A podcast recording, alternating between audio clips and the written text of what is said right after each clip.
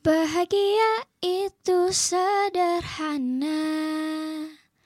Hanya Eh, stop, stop, stop. eh kenapa? Bahagia itu ya pilihan.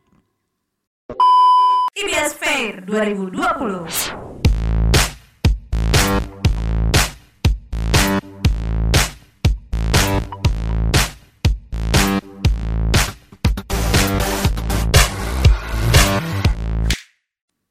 Halo semua. Perkenalkan, aku Dea. Dan aku Ica. Selamat datang di podcast kita. dengan hobi mengantar rasa yang tak sampai. Pada kesempatan kali ini, kami akan berbincang-bincang mengenai a story about what makes you happy. Bahagia. Kita perlu tahu apa arti bahagia sebelum kita menemukan kebahagiaan versi kita masing-masing. Dengan kita tahu apa arti bahagia yang sesungguhnya, kita bisa melakukan banyak hal dengan benar lebih lama. Bahagia, kebahagiaan. Menurut Rena Masri, seorang psikolog klinis, mengatakan bahwa konsep bahagia itu terbagi menjadi dua: ingin merasa atau ingin terlihat bahagia. Nah, jika seseorang merasa bahagia, ia akan melakukan hal-hal yang membuatnya bersikap positif, terutama terhadap diri mereka sendiri. Namun, berbeda halnya dengan orang yang ingin terlihat bahagia. Seseorang itu pasti akan menampilkan dirinya agar orang lain bisa memandangnya sebagai individu yang berbahagia. Dalam tanda kutip, ya hanya berpura-pura demi dilihat bahagia oleh orang lain. Nah, dengan begitu deh ya, orang-orang pasti masih bertanya-tanya, apa sih definisi bahagia yang sebenarnya? Nah, mungkin setiap orang punya arti dan definisi bahagia versi mereka masing-masing. Dan dari beberapa orang yang pernah aku temui juga, ada yang memandang kebahagiaan dengan materi, ada yang memandang kebahagiaan dengan ilmu dan kedudukan yang dia dapat, dan ada juga yang memandang kebahagiaan dengan hal-hal yang sederhana. Dengan begitu, Ica, menurut aku ya kebahagiaan itu relatif. Kalau ini aku setuju, karena setiap orang berbeda-beda dalam menemukan kebahagiaannya. Dalam tanda kutip, mereka menemukan kebahagiaan mereka itu versi mereka masing-masing. Betul sekali. Eh, aku saja dalam memandang setiap kebahagiaan itu dengan rasa syukur, dengan mensyukuri tiap hal yang diberikan, mengapresiasi hal sekecil apa pun yang ada, dan juga menghargai setiap pencapaian yang diraih, sekecil apa pun itu juga bisa menjadi cara untuk berdamai dengan diri kita sendiri. Dengan begitu, kita bisa tahu bahwa arti kebahagiaan itu sederhana. Iya, sederhana untuk dirasakan, tapi sederhana juga untuk tidak dirasakan. Nah, cukup menarik juga. Jadi gini, Cak. eh, gimana cara kamu untuk menemukan kebahagiaan itu dari hal yang sederhana? Karena arti kebahagiaanku adalah sederhana, maka sederhana pula kebahagiaan bisa kurasakan. Yang pertama nih dia, jika apa yang kutargetkan itu tercapai. Yang kedua, kebahagiaan pada diriku dapat dirasakan juga kebahagiaannya oleh orang lain. Dan yang ketiga, ketika orang bahagia karena diriku. Mungkin kedengarannya atau tanggapan orang bahwa itu akan sulit untuk dilakukan karena pikiran itu terlalu mendominasi diri kita. Ya, eh, jadi banyak juga orang yang biasanya suka menyulitkan hal-hal yang bisa dibuat menjadi sederhana. Nah, jadi karena itu dia Ya, kita seharusnya juga berpikiran sederhana.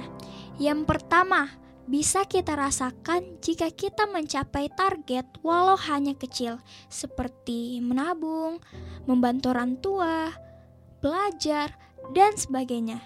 Yang kedua, jika kita berbuat baik, orang akan menerima pula kebaikan kita. Dan yang terakhir, kebahagiaan bisa dirasakan dengan memberi, meminjamkan, ataupun menolong orang lain. Maka orang itu akan bahagia karena kita. Kan kita sudah membahas mengenai apa arti kebahagiaan dan apa yang membuat kita bahagia. Sekarang aku mau bertanya ke Dea. siapa sih yang bertanggung jawab terhadap kebahagiaan kita? Nah, kalau ditanya tentang siapa sih yang bertanggung jawab atas kebahagiaan kita, jadi dari definisi bahagia itu kita bisa tahu bahwa yang memiliki kendali penuh atas rasa bahagia yang kita rasakan ya diri kita sendiri. Jadi gini, kita tidak bisa selalu berharap kebahagiaan dari orang lain. Karena jika kita menjadikan orang lain sumber kebahagiaan kita, rasa bahagia itu pasti tidak akan lama. Dan juga nih ya, Cak, rahasia hidup bahagia itu ya tidak selalu bergantung kepada orang lain. Karena pada faktanya, kita juga merasa kesepian di tengah banyak orang atau bahkan saat bersama pasangan kita jika kita tidak memiliki koneksi emosional. Aku juga mengingat kata-kata dari Weldinger yang mengatakan bahwa bukan jumlah teman yang kita miliki, tetapi tentang kualitas dan kedalaman hubungan itu yang lebih penting. Iya, aku juga setuju. Menurutku, diriku sendiri yang bertanggung jawab atas kebahagiaan itu. Tapi nih, ada tapinya. Tidak menutup kemungkinan orang lain hanya bisa merasakan kebahagiaan dirinya karena adanya keterlibatan orang lain. Iya sih, setuju karena masih banyak orang yang bisa merasakan kebahagiaan itu datang padanya jika orang lain yang bisa membuatnya bahagia atau orang lain yang bisa membuatnya tertawa. Iya, benar.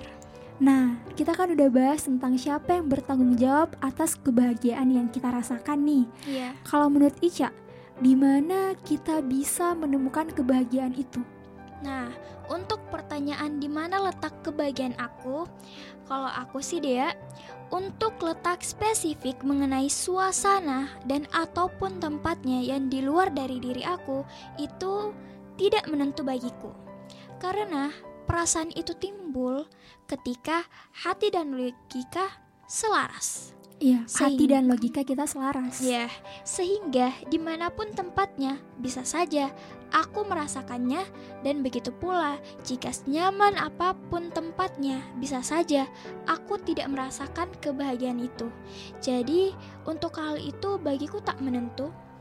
Oh, jadi menurut Ica di mana letak kita bisa menemukan kebahagiaan itu yang fleksibel. Eh, Iya. Kalau gini, Cak, kalau menurut kamu bagaimana sih cara kita bisa merasakan kebahagiaan itu? Oke.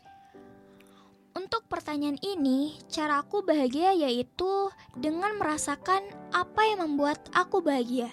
Dalam artian, merasakan itu poin utama untuk bahagia. Kalau aku sudah tahu nih apa yang membuatku bahagia, aku pun juga sudah tahu cara untuk membuatku bahagia yaitu dengan melakukan hal-hal yang membuatku bisa merasakan kebahagiaan. Dan sekarang aku mau nanya lagi. Kalau menurut kamu, bagaimana cara kamu bahagia dan di mana letak kebahagiaan kamu? Ayo jawab. Nah, kalau ditanya tentang bagaimana dan di mana aku bisa menemukan kebahagiaan itu, itu fleksibel sih.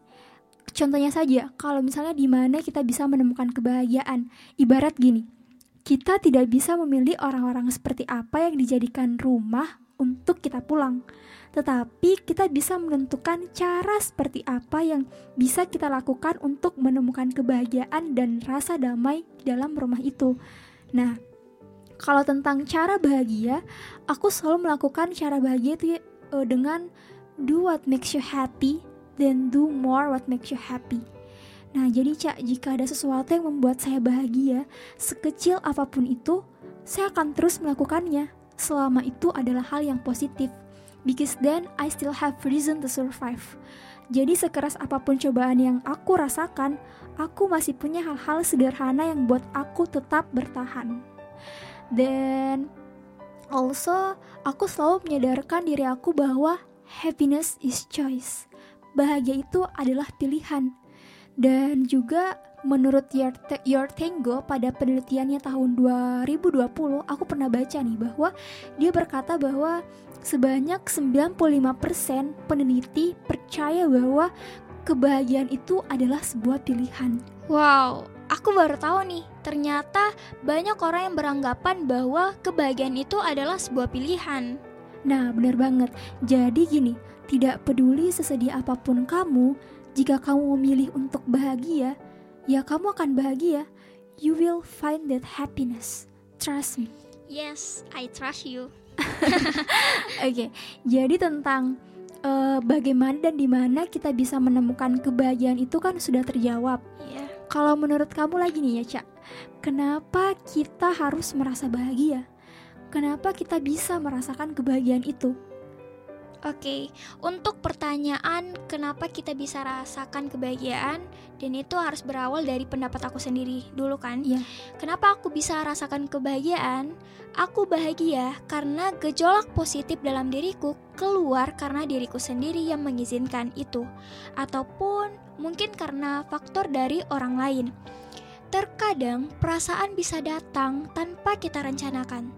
Tapi untuk mengenai kenapa aku bisa merasakan kebahagiaan sesungguhnya itu saat hati dan logika aku itu selaras karena tidak adanya kepura-puraan di antara mereka itu Ya. kuncinya.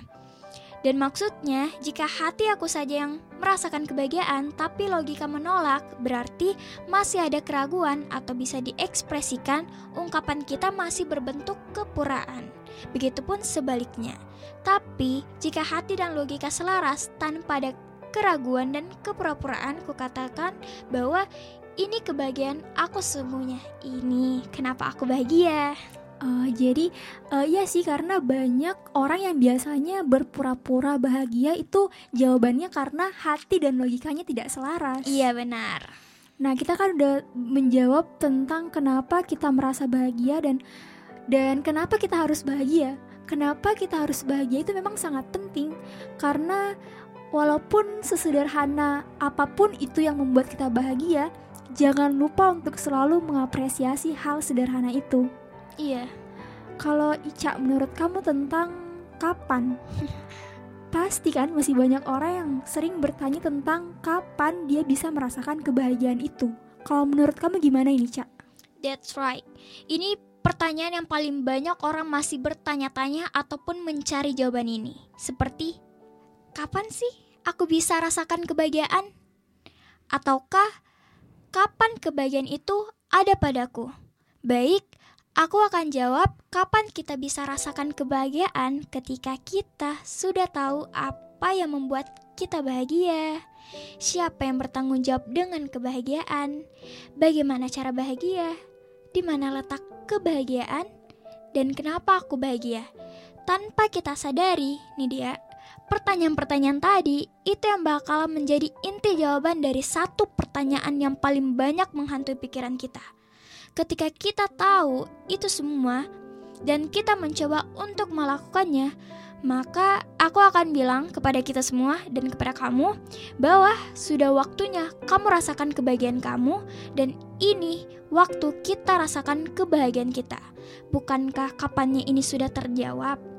Tinggal kita saja yang membuat menjadi kebahagiaan yang sederhana versi kita masing-masing. Betul sekali, karena jika kita sudah paham dan bisa menjawab tentang pertanyaan kenapa kita harus bahagia, kenapa kita bisa merasakan kebahagiaan atau di mana letak kebahagiaan itu, bagaimana kita bisa bahagia, itu sudah saatnya untuk kita merasakan kebahagiaan. Iya. Dan juga ada hal lain yang perlu kita ketahui juga bahwa kebahagiaan itu tidak kekal. Akan ada yang namanya rasa sedih.